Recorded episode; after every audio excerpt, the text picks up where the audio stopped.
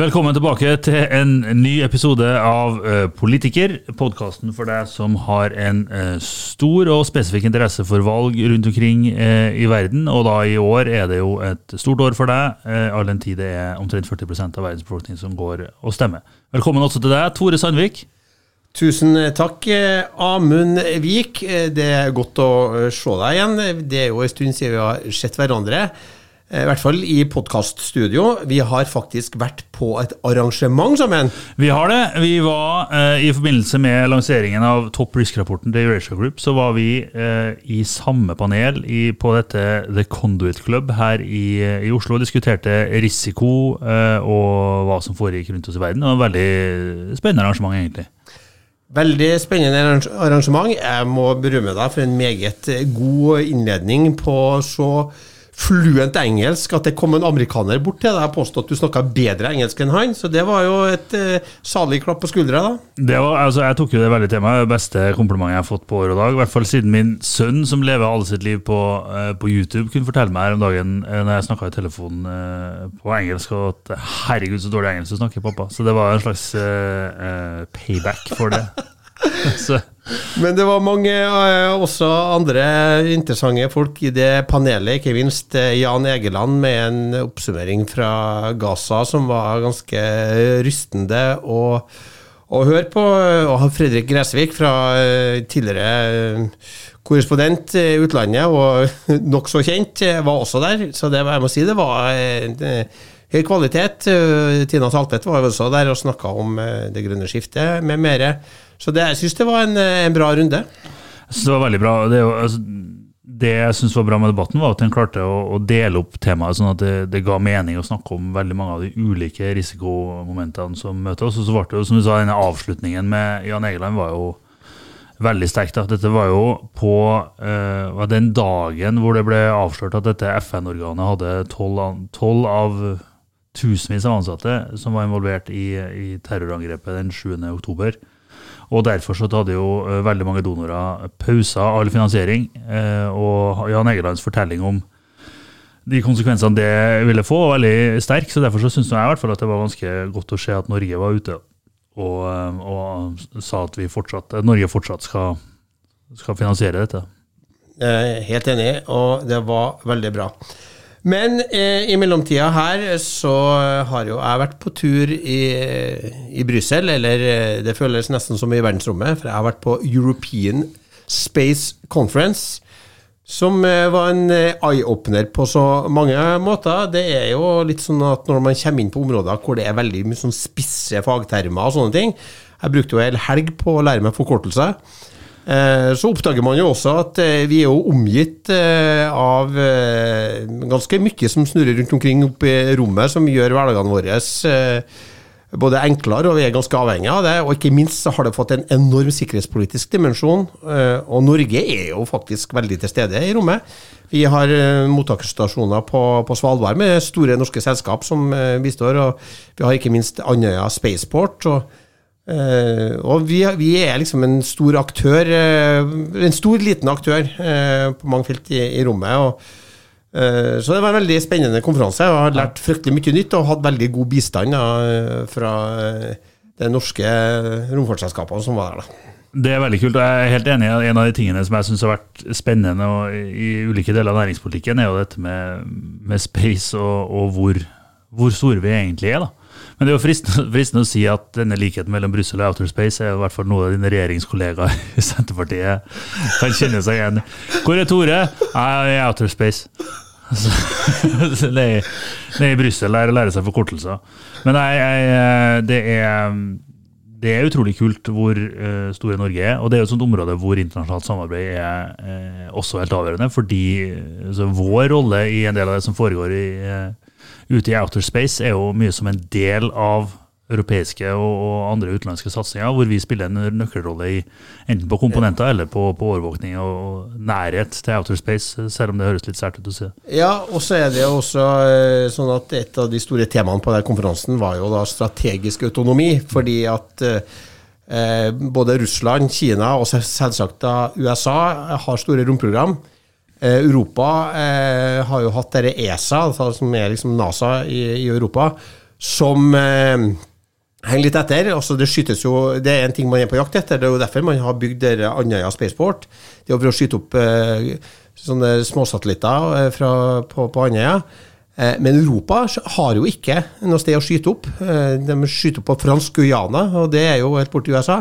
Og når man nå skulle da skyte opp eh, den neste såkalte Galileo-satellitten, så måtte de skyte opp den fra USA med en Elon Musk, eh, og det var et sånt stort nederlag. Så det var Nå tar liksom EU grep da for å være autonom på det og være med i romkappløpet knytta til eh, ting som er jordobservasjoner, GPS og eh, klimaovervåkning, og ikke minst veldig mye på forsvars- og sikkerhetspolitikk som blir relevant fremover. Det er utrolig kult, og det de, må jo være en av de mest spennende områdene som Næringsdepartementet også sysler med. Dette med eh, rom, eh, næringsliv og rommet, men også, som du sier, også selvfølgelig forsvar og forsvarssikkerhet. En ting som vi må komme tilbake til i en senere podkast, er jo om Europa har eh, penger egentlig til å, å, å, ta alle de posisjonene man nå her eh, skal ta, enten det er i outer space eller i ocean space for den del, eller det er på fornybar energi eller på CCS eller på, på eh, god gammeldags eh, forsvarsopprustning også. Vi, vi har jo snakka om det tidligere òg, men det er en større og større samtale nå om at det er det er ganske skrint rundt omkring i, eh, i både i nasjonale regjeringene og EU-systemet. Eh, så det blir spennende å se hva slags type konsolidering vi ser i, i, løpet av neste parlamentsperiode. Ja, og det gjør jo også at vi merker i stadig økende grad at uh, spenninga mellom uh, de som styrer og dem som blir styrt, øker. Uh, og Det har jo du opplevd. Du har jo vært i London. Det var ikke så mye fra, forsto jeg. Men du har vært i Tyskland en svipptur. Flyet skulle være lenger, men du måtte skynde deg hjem.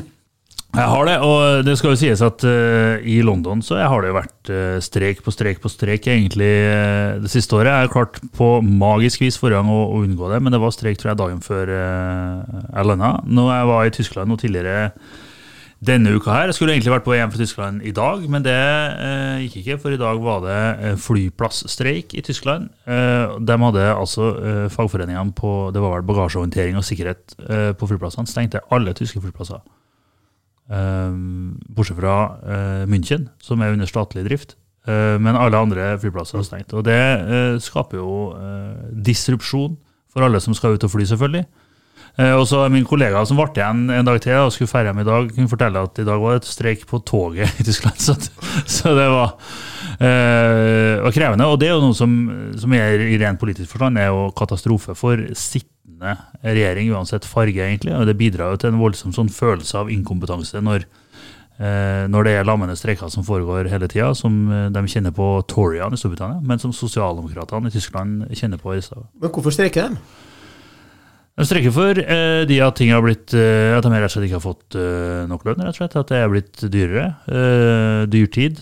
Eh, nå er det jo sånn eh, at de har jo hatt eh, hadde vel reallønnsvekst i, fjor, men det er altså grunnen til at de streiker, skyldes behov for mer cash. men det er også, mens jeg har sittet og, og plagdes med denne streiken i Tyskland, så er det jo helt fullstendig gammel-Mathias i Frankrike og i Brussel. Hvor bøndene protesterer eh, mot eh, landbrukspolitikken, særlig i, rundt Paris. da. Mm. Eh, av samme årsak, egentlig. Sånn at du får eh, lave priser på produktene. Eh, vanskelig å leve. Alt annet blir dyrere. så blir det veldig krevende. Så En tilleggsdimensjon dimensjon at man slipper jo også inn billige ukrainske landbruksvarer, som også da truer solidariteten, fordi at de konkurrerer da ut bønder i både Tyskland og Frankrike. Det har også vært store bondedemonstrasjoner i, i Tyskland. Mm. Eh, så det er dyrtida som brer om seg, eh, og det er, som du var inne på, stadig trangere. Men i Tyskland har det også vært demonstrasjoner med litt annet fortegn, nemlig demonstrasjoner mot det dette partiet Alternativ for Deutschland, som nå har, uh, gjør det veldig godt på målingene. Men der var det da et magasin som da kom inn, jeg lurer på om det var undercover, på et sånt møte de hadde, der det var en østerriksk eh, sånn eh, ideologisk felle av dem som var eh, invitert til å holde foredrag. Og det de snakka om der da, på det møtet, det var hvordan de da, etter de hadde tatt over makta i Tyskland, skulle begynne å deportere utlendinger og politiske motstandere. Eh, og det sendte jo en del isgufs utover eh, det tyske politiske landskapet, og det var store demonstrasjoner. Og det var et sånn suppleringsvalg, eller noe sånn mm. by-election, eh, der AFD-kandidaten leda ganske solid for bare en ukes tid, 14 dager siden. Men tapte da valget, og de satte det i sammenheng med den store demonstrasjonen. Ja, det er jo unektelig noe hele, hele Europa har, eh, har, erfaring med dette, med, med liksom ytterliggående, eh, høyreagiterende eh, personer fra Østerrike som slår seg opp i, i tysk politikk eh, mens det er dyrtid og, og, krevende tilstander og spenninger i Europa. Så det er klart, det er ikke noe rart at folk blir nervøse, og det, det, trigger jo en voldsom emosjonell respons for veldig mange velgere i Tyskland. Samtidig så sa de ekspertene på tysk politikk som jeg møtte da jeg var i Tyskland nå, at, at man tror at dette samla sett vil ha relativt eh, deprimerende liten effekt på oppslutninga for AFD i de tre eh, delstatsvalgene som kommer nærmere sommeren. Eh, særlig i to av de så er jeg altså venta at de kan finne på å gjøre det ganske så godt, og at denne rapporten vil kanskje ha noe effekt på, på marginen, men mm. At den millionen som er ute og går i gatene og klager på og er, og er bekymra for AFD, er ikke den som er troende til å stemme på dem i utgangspunktet. Så at uh, man tror at det vil ha deprimerende liten effekt. Men det blir veldig interessant å se hvordan det spiller seg ut, selvfølgelig. Vi skal følge de valgene, selvfølgelig, men vi skal også følge det valget alle sammen da snakker om eh, av store og små valgeksperter, og som hele verden biter negler for, nemlig valget i USA. Der har det vært caucus i Iowa, det har vi snakka om før. Eh, det har vært Trump, eh, får ikke eh, vite før i, i mars, på supertirsdag, for da skal demokratene eh, Da er det frist for demokratene i Iowa sine caucus. Men det har vært i New Hampshire, hvor Trump da tilsynelatende surfa inn til en seier, men 10 prosentpoeng over Nikki Haley. For det er bare dem to igjen nå. Og det er egentlig ikke et veldig godt resultat for Trump, det med tanke på at han, han er jo egentlig ikke en sånn incumbent, for han er jo ikke sittende president. Men det, han er nå på en måte egentlig partieier, og når det er så tett, så eh, er det ikke så verst. Eh, jeg er jo blant dem som da er, har Biden 60-40, hvis det blir Trump-Biden, og begge eh, klarer å snike seg over målstreken med helsa i behold. Og jeg tenker i hvert fall at sånn som det ser ut på analysene nå knytta til independence, så scorer Trump veldig dårlig på independence. Det er veldig stor stemning for Trump i basen, eh, som da er skremmende stor. Eh, og han blir helt sikkert kandidat for republikanerne. Eh, lurer jo litt, fortsatt litt på hva Nikki Haley holder på med når hun holder ut i denne kampen, for han eh, oppfører seg jo sjelden pent mot dem som står, snakker imot den. Eh, men det er Vi fant vel ut at det var i 24. februar. Det er det neste primærvalget for republikanerne i, i South Carolina. Eh, og der er det vel egentlig det her blir avgjort. Eh, det blir helt ja. meningsløst for Nikki Haley å henge med videre etter det, hvis ikke hun vinner South Carolina. Og foreløpig er vel meningsmålingene 60% Trump og 25 Nikki Haley.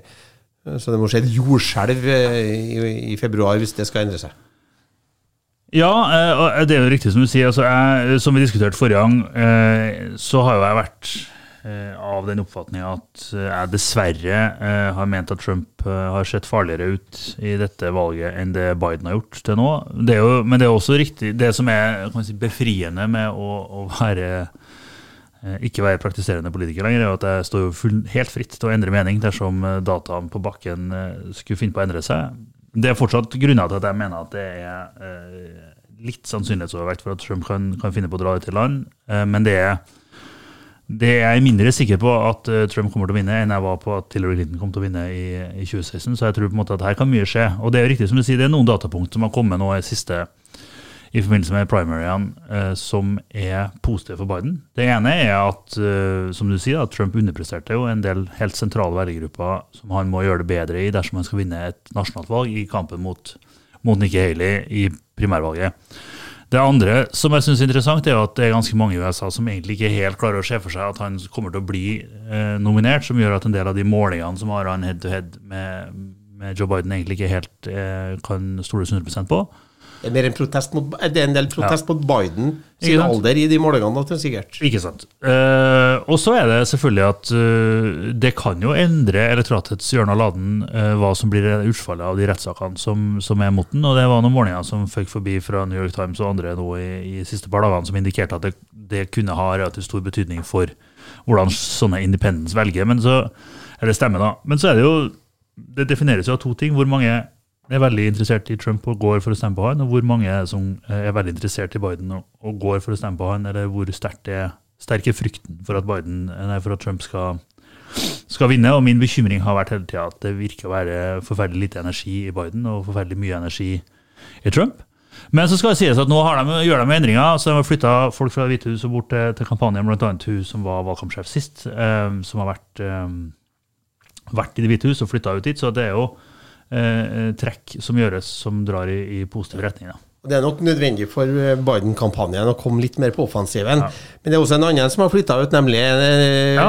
det er John Kerry har flytta ut fra Det hvite hus. Og der er det jo en venn av podden som har eh, tatt over John Kerry sin rolle som klimaenvoy for for hele USA? Det er riktig. Venn av politikerpodden, eh, John Podesta, har nå blitt eh, USAs toppdiplomat på klimaområdet. Vi har jo, eh, ligger jo ute nå, vi har til og med delt den på, på LinkedIn for dem som skulle ha interesse å se det på nytt nå. Det er et ganske sånn tidløst intervju som gjorde med han som handler egentlig om klimapolitikken i IRA og hva, hva amerikanerne holder på med der. Som han hadde ansvar for før han var sjef for IRA? Ja, nå så jeg til og med i Washington Post her at det var rykter om at han skulle holde på deler av den porteføljen videre også, faktisk, samtidig som han er Climate Envoy, som jo høres ut som en relativt stor øh, jobb alene. Men det er jo kjempespennende. Han er jo en utrolig dyktig øh, politiker, har mye erfaring, vært i og rundt det demokratiske livet i hele sitt liv omtrent. Så det blir kjempe, kjempespennende. Og han er jo en venn av denne poden, så det er jo, de slår seg opp. Ja, og det Vi starta med den diskusjonen her fordi at eh, John Podesta, da, og det, vi anbefaler liksom å høre den pod-episoden, han er der fordi at nå begynner folk å flytte ut fra Det hvite hus for å få fart i kampanjen. Mm. Som da eh, Jeg tror nå vi kommer til å se at det er en godt forberedt eh, demokratisk eh, kampanje som kommer. Det er jo de to sakene som er Eller skal vi si det er tre saker som jeg mener er helt avgjørende nå. Det som nå er øverst, og i hvert fall for eh, republikanske velgere, og den som er leaning eh, republican av independence, er faktisk immigrasjon. For det er en enorm strøm med flyktninger som kommer inn på grensa i, over Mexico. Det har vel vært 300 eh, 000 på ei uke, som er sånne rekordtall jeg syns svirrer gjennom lufta. Så er det selvfølgelig økonomi, som generelt sett er viktig. Men så er det da Dobbs, eller det, når de da kvitta seg med Roy Wade-dommen i Høyesterett den slår hardere enn hva i hvert fall jeg ser for meg at den skal gjøre, selv om det er en viktig sak. Men nå er det, begynner det å bli et betydelig gap mellom Trump og Biden på kvinnelige velgere. Eh, og det her slår jo også inn i andre ting, for det blir på en måte en symbolsak på hvor langt du er, kan gå på å blande deg inn i folks liv. Og det er nok et litt mer liberalt eh, land, sjøl om det fortsatt er mye eh, konservative eh, krefter i USA og, og republikanere så, så griper det så bredt inn at det, det, spiller også en rolle, og det ser vi på masse av de mellomvalgene som har vært. Valg til, til lovende forsamlinger i statene. Vi så det på folkeavstemminga om hvorvidt det her skulle implementeres i, i, Ohio, som da er en eh, relativt rød stat. Der eh, var det demokratene som vant. Eh, og ikke minst så mener jeg også det teller inn at mellomvalget var det beste valget som en amerikansk sittende president har gjort siden FDR. Så jeg mener det er mye som tyder nå på at eh, Biden-kampanjen gjør det bra, men det er fortsatt en stor X-faktor at Biden er fryktelig gammel, og veldig mange er misfornøyd med det. Og han ser jo også ut som han er eh, 81 år. Han gjør det, eh, og det er mye som kan skje nå fram til valget. Risikoen er jo enorm for at Biden har en eller annen aldersrelatert episode mellom nå eh, og valget. Worst case scenario for alle mann alle og om det skjer eh, etter konvensjonen, altså etter, etter nominasjonen er, er, fattet, og før og før valget, som gjør at han blir jo på en eller annen måte uvalgbar da, hvis han har en sånn Mitch McConnell-aktig episode en eller flere ganger. I tillegg til at man må jo bare regne med at det kommer til å kry av falske videoer av Biden som har eh, aldersrelaterte hendelser på, på, internett i løpet av denne perioden. Så det, blir, eh, det kan bli et veldig uoversiktlig valg, og det med alder er jo en såpass potent svakhet med Biden at man må bare legge til grunn at det kommer til å bli utnytta for alt det er verdt av, av grupper eh, i og rundt det republikanske partiet. Så det blir eh, tight sailing. det er jo så Disse eksemplene som du legger opp også, er jo ikke egentlig eksempler hvor Biden og Trump har vært mot hverandre som personer, men hvor kreftene som de representerer, har vært mot hverandre som personer. Det er jo ikke noe tvil om at uh, abort og, om, uh, og, en del av de sakene som Biden har kjørt på, er sterkere enn Trumps budskap når du tar de to personene ut av det. Så det blir veldig spennende å se nå hva som skjer når det er de, de to personene selv som forfekter de ulike synene de har. Mm. Men hadde Biden gitt seg nå og, og gitt uh, stafettpinnen videre til en yngre og mer si, kraftfull person, så er det ikke noe tvil om at Biden har kommet til å bli huska som en av de mest effektive presidentene i amerikansk historie. Nå risikerer han jo å bli huska uh, som han som ikke skjønte at uh, musikken hadde stoppa. Uh, så det blir, det blir, litt av et valg. jeg håper og desperat at jeg tar feil, og at Biden kommer til å vinne. Og det er tegn i tiden som styrker Bidens sjanser. Så dette blir et valg å, å, å følge med på fortløpende. Neste ut er jo primary i South Carolina på demokratene sin side så er Nevada eh, hos Demokratene den 6. februar. 8. februar har republikanerne et uformelt eh, og ikke-bindende primary-valg i Nevada, og eh, Virgin Islands har eh, caucus. Så er det eh, et spesial, altså special election i New York. Før det 24. februar er eh, primary i South Carolina, hvor mye kommer til å antageligvis avgjøres med tanke på hva Nikki Haleys videre skjebne skal være, selv om det er jo et uh, stort og økende trykk på hun også om å, å, få litt klarhet i hva det er hun holder på med. Uh, og det er ganske lenge til 24.2, så mye kan skje frem til da. Bare litt tilbake til det spesialvalget i New York, som er også litt verdt å følge med på. fordi at han gjorde det jo også veldig bra i Representantenes hus i mellomvalget. altså Demokratene eh, tapte færre enn man ellers pleier å gjøre i mellomvalg, men tapte likevel flertallet. Eh, men det er neppe til republikanerne. Men demokratene tapte jo egentlig huset i de demokratiske statene. I, i California, New York, eh, så, så eh, var det så republikanere som stek seg over målstreken. Eh, så det er liksom verdt å følge med på. Her, jeg tror de tar mer på alvor, de her smådistriktene også. For å prøve å også vinne huset da, tilbake. Og styre både Senatet og huset ville jo vært bra for en, en ny periode for Biden, med, med den tilstanden verden befinner seg i for øyeblikket. Ja, ikke bare for Biden, men nesten gå så langt som å si for resten av verden òg. Hadde vært veldig greit om det var kontroll i, i eh, både på, presidentsida og i, i, eh, i, parlamentet i USA, men det er vi eh, den som lever, får se. Får vi si. Men vi skal følge dette videre. Vi dekker primaryene som alle andre norske eksperter på det amerikanske valget. Og skal ha inn noen gjester om dette i tida som kommer. Men det er jo ikke det eneste valget som skjer i i år, dette amerikanske valget, selv om det kommer til å ta mye båndbredde. Vi har jo flere, vi, eh, på blokka, Tore. Et som vi faktisk annonserte at vi skulle snakke om i forrige episode, men som vi glemte. Ja. Det kan ha å gjøre med landets størrelse, for det er bare 780 000 innbyggere inneklemt blant giganter som India, Kina og, og Pakistan, nemlig Bhutan.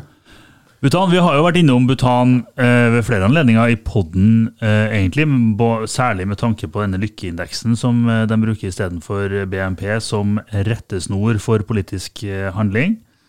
Eh, det har vært, eh, og nok en gang, tankekors for eh, våre eventuelt amerikanske lyttere. Så er jo dette også et valg som har gått fredelig for seg, har vært et demokratisk valg. Men det er altså maktskifte. Opposisjonen vant med en tidligere statsminister. De gjorde det, og da er jo spørsmålet om eh, lykkeindeksen påvirkes hos valgtaperen, eh, eller om eh, den oppveies da nasjonalt hos valgvinneren. Ja, altså Det blir jo et veldig komplisert spørsmål å svare på. Det er jo 780 000 innbyggere, så man må legge til grunn at den eh, avgående statsministeren ikke vipper eh, nettolykkeandelen i landet. Men det kan jo være mange medlemmer i partiet, for alt vi vet. Men, eh, men det er i hvert fall et uttrykk for at lykkeindeksen har vært under forventet eh, lykkeverdi, eh, all den tid det iallfall er et bytte av, eh, bytte av statsminister. Men så har det vært et eh, valg også i et land som står oss litt nærmere, nemlig eh, det nyeste Nato-medlemmet, i hvert fall foreløpig. Eh, vi får håpe snart Sverige kommer inn òg. Finland har hatt presidentvalg.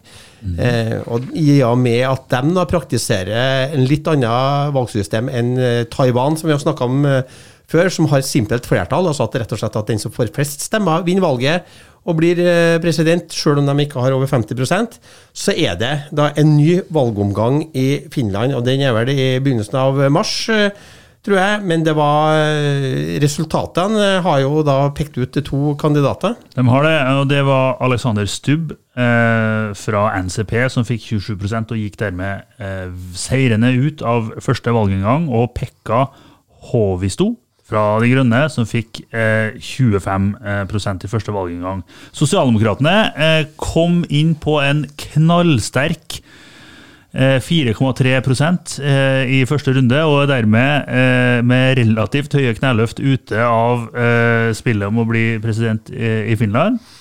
Men da er det opp til Stubb og, og Havisto Håvisto å konkurrere nå senere om hvem som skal ta over. Alexander Stubb er jo var jo på NHOs årskonferanse i fjor. Fjor eller forfjor, jeg husker ja. ikke. Holdt et veldig godt innlegg, ja. syns jeg faktisk. Han, eh, han, har jo vært statsminister eh, ja. et års tid sånn, jeg tror jeg, før, og vært finansminister. Har en imponerende CV, egentlig. Mm. Men han Havisto, han, eller Havisto, jeg er litt usikker på hvordan det uttales. Jeg tror han stiller som uavhengig kandidat, selv om han har vært medlem av De Grønne et helt liv. Ja. Han er jo eh, også kjent for å være DJ. DJ Pexi. Han er jo godt over 60 år og spiller da musikk fra sin ungdomstid og har blitt en liten sånn hit blant eh, unge velgere. Eh, men han har vært eh, runner på han et, et, par ganger før uten å nå helt til topps, ja. så det spørs om ikke det er Jeg tror jeg har en, holder en liten knapp på Alexander Stubb. Også fordi at det partiet som kom på tredjeplass, mm. sin kandidat, var jo Sandfinnene, som er rimelig høyt ut til, til høyre Eh, og en viss ja. fare for at flesteparten av dem kommer til å stemme på den eh, mest høyreliggende kandidaten. Eh, det er det fort vekk mulig at de gjør, ja. Og i hvert fall at de styrer unna en grønn kandidat. En av de større skillelinjene i europeisk politikk om dagen er jo kampen mellom altså det at ytre høyre forsøker å gjøre de fleste valg til en folkeavstemning om den grønne politikken. Så Det kommer nok sikkert også til å slå inn her. Det er jo dessverre ikke avgjørende for dette valget hvor eh, sosialdemokratenes mange eh, velgere går. Eh, så her får vi eh, prøve å skremme ut en sosialdemokrat fra Finland til å forklare oss litt om hva som har skjedd. Men den finske presidenten, Tore mm. Det er jo ikke en president av amerikansk type, etter det jeg forstår, med, med tanke på fullmakter og styringskompetanse? Nei, det er ganske mye en symbolfigur. Men den finske presidenten har ansvaret for utenrikspolitikken utenfor Europa. Ja og er også sjef for Forsvaret. Uh, og har alltid spilt en viktig rolle, spesielt i balansepolitikken mot uh, Russland og da tidligere Sovjetunionen. Den mest kjente av dem alle var selvfølgelig Kekkonen, som satt i 26 år. Der er det jo litt sånn fornøyelig bok av han derre Arto Paselina, som skriver ganske morsomme, sånn lange skrøner. Jeg lurer på om det var dere, De hengte revers skog, der det var en som hadde en teori om at han Kekkonen han var da avløst av en dobbeltgjenger, som bruker da livet sitt i den boka da, på å avsløre da, at han Kekkonen hadde en, en dobbeltgjenger. Det var jo der det begrepet finlandisering, eh, som er en sånn eh, fagbegrep i, i utenrikspolitiske kretser, oppstod. Denne med at du, du, blir, du må forholde deg til en sånn stor nabo. Eh, i øst for dem. Da, og det, det har jo snakka det samme om, det og temaet om Taiwan. Ja. At det blir en slags finalisering av, av, Taiwan. At de blir en stat som holdes litt ned av en stor nabo som er stor og truende, og så skal de balansere i det, det spillet der. da. Eh, ja. Og det blir jo viktig hvem som blir president i, i, Finland, for nå skal de finne da balansepolitikken i Nato mm. mot et temmelig aggressivt Russland som forhåpentligvis eh, snart da er, er tvunget til retrett i Ukraina, som skal finne seg sjøl igjen. Så det, det, for Finlands del er det en viktig eh, politisk rolle å spille da, utenrikspolitisk eh, også.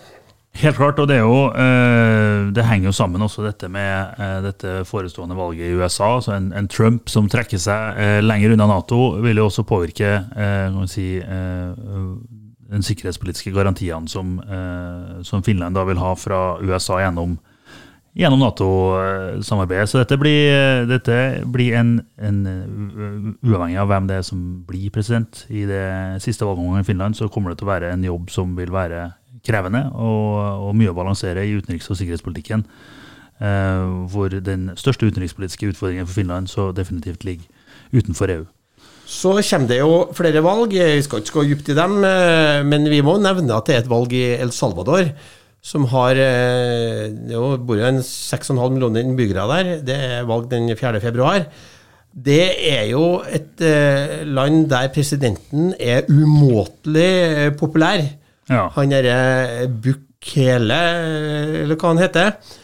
Han jeg tror jeg har sånn nesten 70 på, på meningsmålingene, og det skyldes jo at han har eh, gjort seg populær på bekostning av noen som eh, det er populært å, å ta litt hardt i. Ja, for han har jo eh, redusert kriminaliteten i eh, El Salvador eh, med 90 eh, på, med da som konsekvens at 10% av de unge i landet sitter i fengsel. Eh, så det er Han har rett og slett putta alle som kan se ut som et gjengmedlem, i, fengsel eh, over noen år. Det har jo vært eh, svært populært blant, eh, blant veldig mange, men ikke uten tvil kontroversielt. Men så er det vel egentlig sånn at han kan vel egentlig ikke ta gjenvalg, men han har gjort det sylfrekke og rett og slett bytta ut Høyesterett, eh, og dermed får lov til å stille til gjenvalg eh, nå. Så dette er jo en litt uh, framoverlent eh, politikertype. Ja, jeg har tatt litt sånn grep som det forrige regimet i Polen gjorde. De innførte jo bare ny aldersgrense på høyesterettsdommere og begynte å bytte dem ut. Eh, De tapte jo heldigvis valget da, og har jo fått mye pass fra EU og vært holdt igjen mye penger for eh, illiberal og udemokratisk framferd.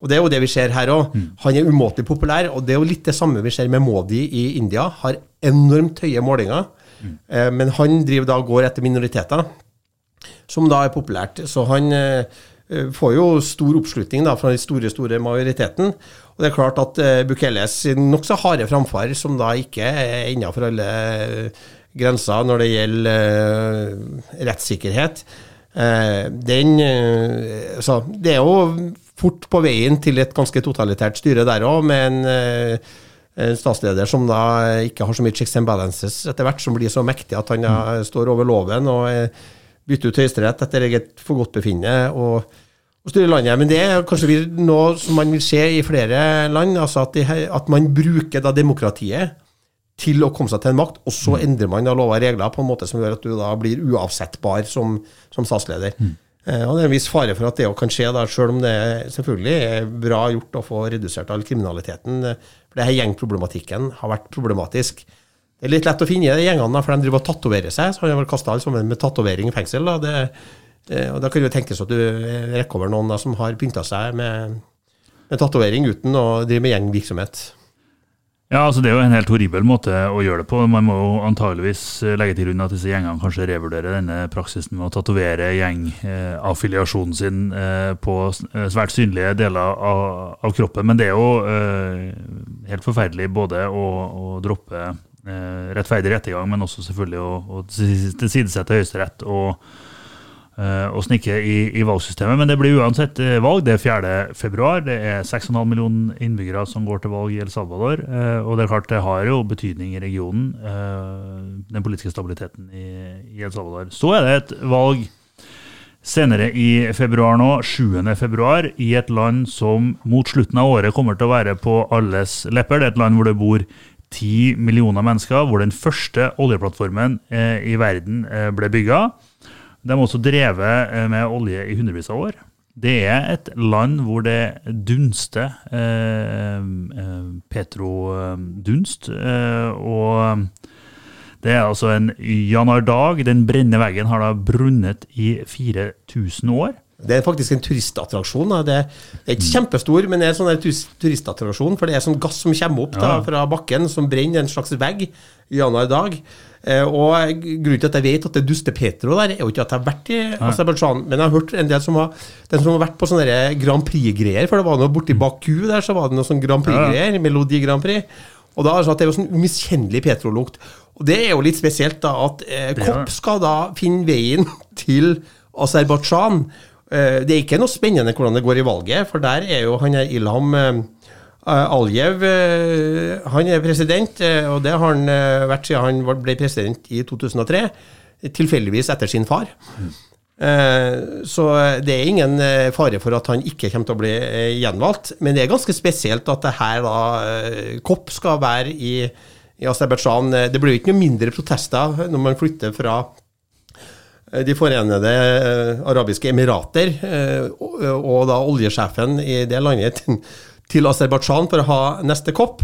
Det betyr ikke at det trenger å bli et dårlig kopp, men det blir nok bli tema for, som du sa, Aserbajdsjan enorme petroleumsressurser ved Det kaspiske hav. Eh, og har drevet med olje veldig veldig lenge, og er også et land som er drevet på oljeøkonomi. Det er det, og det går jo eh, rett fra det ene oljelandet i Koppen i fjor til et oljeland eh, på Koppen i år. Det er også eh, et, eh, et, land hvor det nasjonale oljeselskapet har mye eh, samarbeid med det nasjonale oljeselskapet til landet som hadde forrige kopp.